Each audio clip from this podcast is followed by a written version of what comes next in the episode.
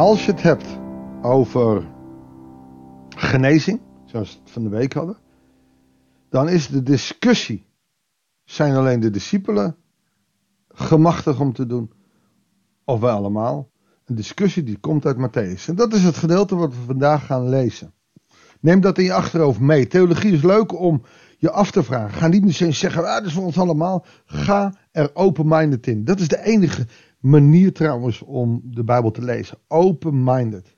Ga niet vooringenomen lezen. Is moeilijk hoor. Ik vind dat dus dan. Weet je, dat, dat moeten we helemaal niet doen. Als je de Bijbel gaat lezen, moet je net doen alsof het een nieuw boek is, wat je nog nooit gelezen hebt. En laat het binnenkomen. Bam. Laten we dat ook weer met dit gedeelte doen. Dat is ook trouwens wat ik ook al. Ik ga binnenkort vier weken weg. Uh, ik zet oude uitzendingen van 2021 online, zodat mensen toch door kunnen luisteren. Blijf open-minded. Denk niet, oh, die zal ik ooit wel eens gehoord hebben. Blijf open-minded. Uh, neem niet aan dat ik de waarheid spreek, maar laat je triggeren. Vooral als je het niet met me eens bent. Dan je afvragen, hoe denk ik erover? Dan heb je het meeste geleerd. Goeiedag. Hartelijk welkom bij deze nieuwe uitzending van het Bijbels Dagboek. We gaan lezen uit Matthäus 9, vers 35 tot en met hoofdstuk 10, vers 10. Jezus trok rond langs alle steden en dorpen. Hij gaf er onderricht in de synagoge. Verkondigde het goede nieuws over het koninkrijk. Nou staat er geen punt. Er staat nog een woordje en en genas iedere ziekte en elke kwaal.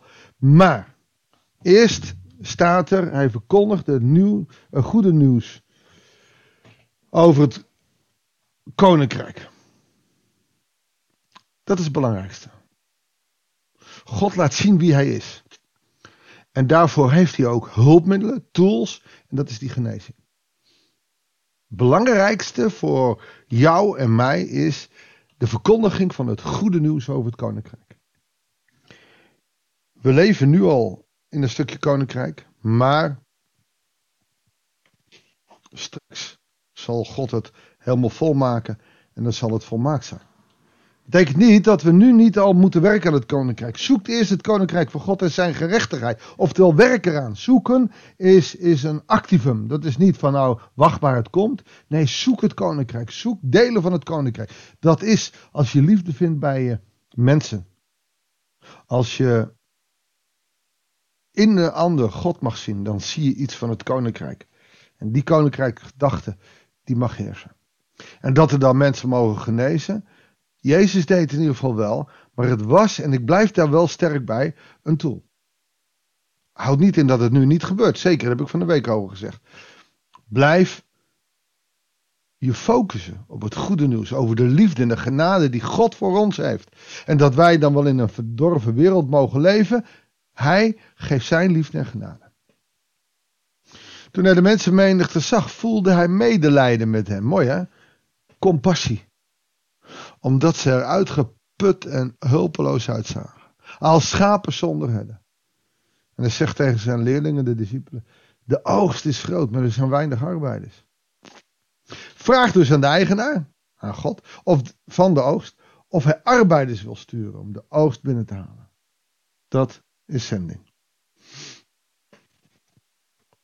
En dat is niet zending naar Afrika, want ook hier in Nederland is de oogst groot, maar er zijn te weinig arbeiders. Je kan aan het werk, lieve mensen. Doe dat op je eigen plek. Doe dat bidden, doe dat actief. Wie ook bent, waar je ook bent, doe het.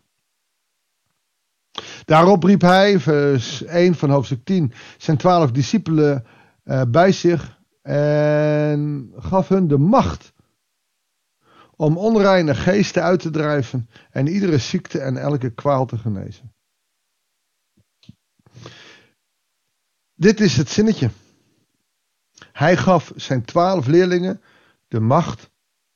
Betekent dus dat anderen het ook hebben of niet? Heel veel theologen zeggen nee, dat was alleen voor de discipelen. Om in het begin het begin te maken van de kerk. Wij hebben het met Gods liefde en trouw te doen. Niet met genezing. Aan de andere kant kunnen wij God voor ons karnetje spannen in Jezus' naam genezen. Weet je, het blijft een trigger. Het blijft iets spannends. Dit zijn de namen van de twaalf apostelen. Als eerste Simon, die Petrus genoemd wordt. Zijn broer Andreas, Jacobus, de zoon van Zebedeus. En zijn broer Johannes. Dus je hebt Simon en een broer Andreas. Jacobus en de, uh, Johannes, de zoon van Zebedeus. Filippus en Bartholomeus. Thomas en de tollenaar Matthäus. Jacobus en de, de zoon van Alphaeus. En Thaddeus. En tenslotte Simon Caneus en Judas Iscariot die hem zou uitleveren. Alleen als je dat laatste leest, hè. Ten slotte Simon, uh, of Judas Iscariot, die hem zou uitleveren. Hij krijgt de macht om afgoden, hè, demonen uit te drijven, zieken te genezen. Als je daarover nadenkt, dan kun je afvragen waarom heeft hij Jezus verraden. Hij deed niet om het geld. Ik denk dat hij uiteindelijk teleurgesteld was in, in deze hele operatie. Ik denk dat Judas veel meer, en Iscariot is volgens mij een proseliet, is een, eigenlijk een vechter. Volgens mij wilde hij een opstand waardoor de Romeinen zouden vertrekken. Maar door Jezus' verkondiging zijn de Romeinen niet vertrokken werden alleen de, uh, de schriftgeleerden en de fariseeën een beetje zenuwachtig. Ik denk dat ergens Judas teleurgesteld was. En daarom ook dat verraad gedaan heeft om de zaak op te porren. En toen hij zag dat, dat Jezus nog niet het zwaard nam, heeft hij zichzelf verhangen.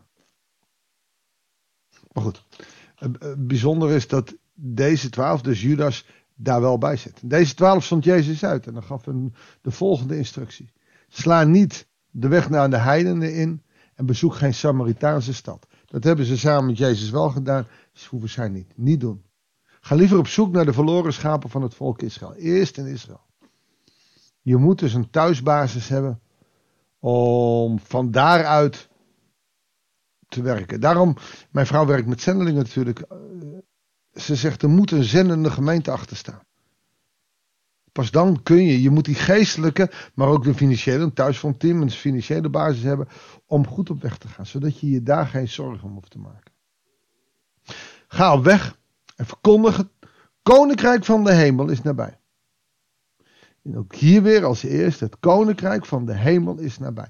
Dat is 2000 jaar geleden nog steeds actueel. Het koninkrijk van de hemel is nabij. Genees zieken, wek doden op, maak mensen die aan huidverraad lijden rein en drijf demonen uit. Om niet hebben jullie ontvangen, om niet moeten jullie geven. Je mag er niks mee verdienen, je hebt het ook zo ontvangen. En Judas Iscariot is een van hen, drijft demonen uit, geneest mensen die aan huidverraad lijden en wekt doden op. Het kan toch niet, ik zit opeens met de Judas in mijn hoofd, het kan toch niet anders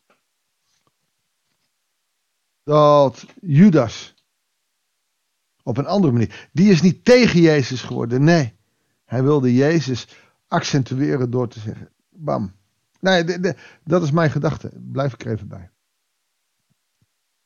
Schaf je voor onderweg geen reistas aan, geen extra kleren, geen sandalen, geen stok.